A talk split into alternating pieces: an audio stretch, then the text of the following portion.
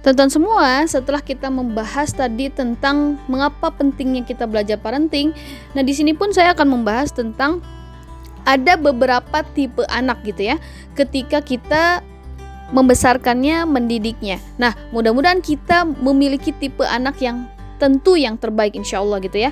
Nah, yang pertama teman-teman semua, anak itu menjadi penenang hati, penyejuk jiwa dan pemimpin bagi orang-orang yang bertakwa seperti yang sudah saya sampaikan di sebelumnya gitu ya.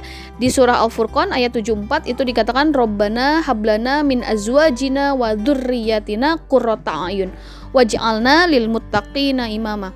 Ya Tuhan kami, anugerahkanlah kepada kami istri kami dan keturunan kami sebagai penyenang hati kami dan jadikanlah kami imam bagi orang-orang yang bertakwa.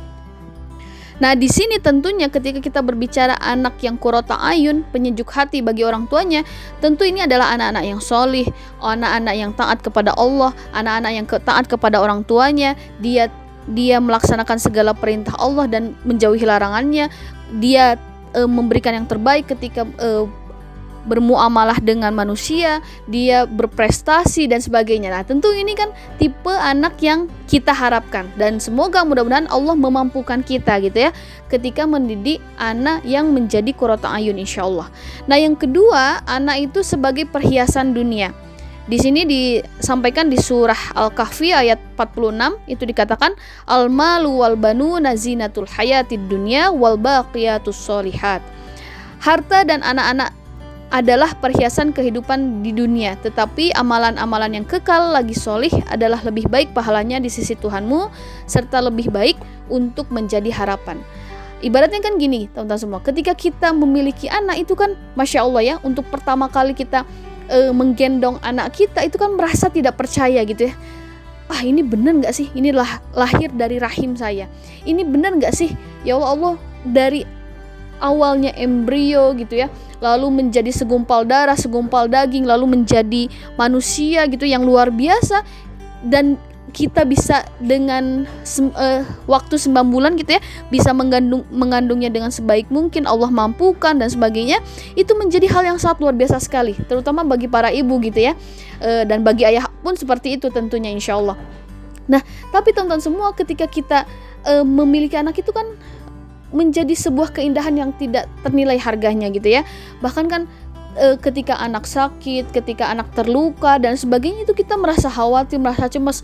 Ini harus gimana sih makannya kok dia e, gak mau makan dia ah, dan sebagainya. Kita ingin memberikan yang terbaik untuk anak dan kita senang ketika memandangnya. Nah inilah bagian dari anak sebagai perhiasan.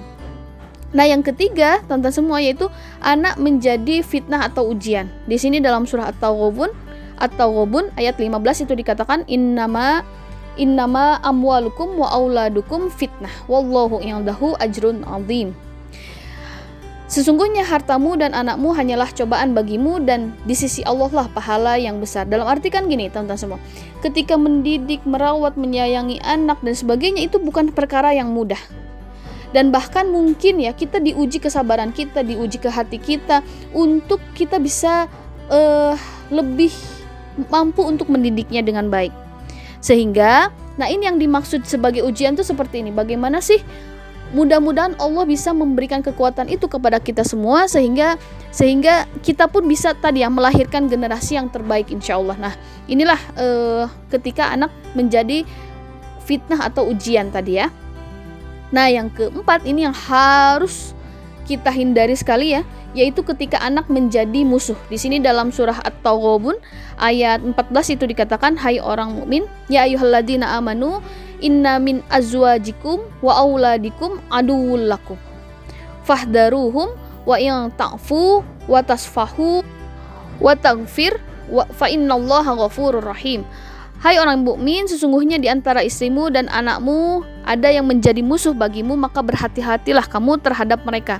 Dan jika kamu memaafkan dan tidak memarahi serta mengampuni mereka, maka sesungguhnya Allah Maha Pengampun, lagi Maha Penyayang. Nah, di sini anak menjadi musuh ini kan contohnya seperti uh, ujian Allah Subhanahu wa taala kepada Nabi Nuh alaihi suatu wassalam. Alaihi salam. Nah, beliau diuji anaknya itu tidak mau ikut ke kap kapalnya Nabi Nuh karena ingkar kepada Allah Subhanahu wa taala, bahkan bertakabur ya, Kanan namanya. Itu diceritakan dalam Al-Qur'an.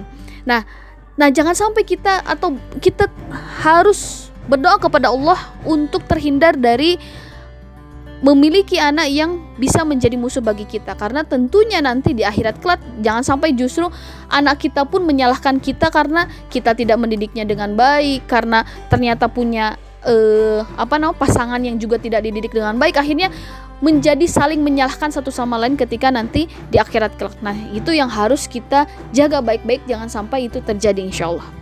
Nah, maka nih teman-teman semua, ketika kita kembali lagi ke tema gitu ya, eh, tentang pendidikan dan pengasuhan bagi ibu pekerja, tentu amanah yang sudah Allah berikan ini tidak ada bedanya ketika misalkan kita memilih menjadi ibu rumah tangga atau ketika menjadi ibu yang bekerja.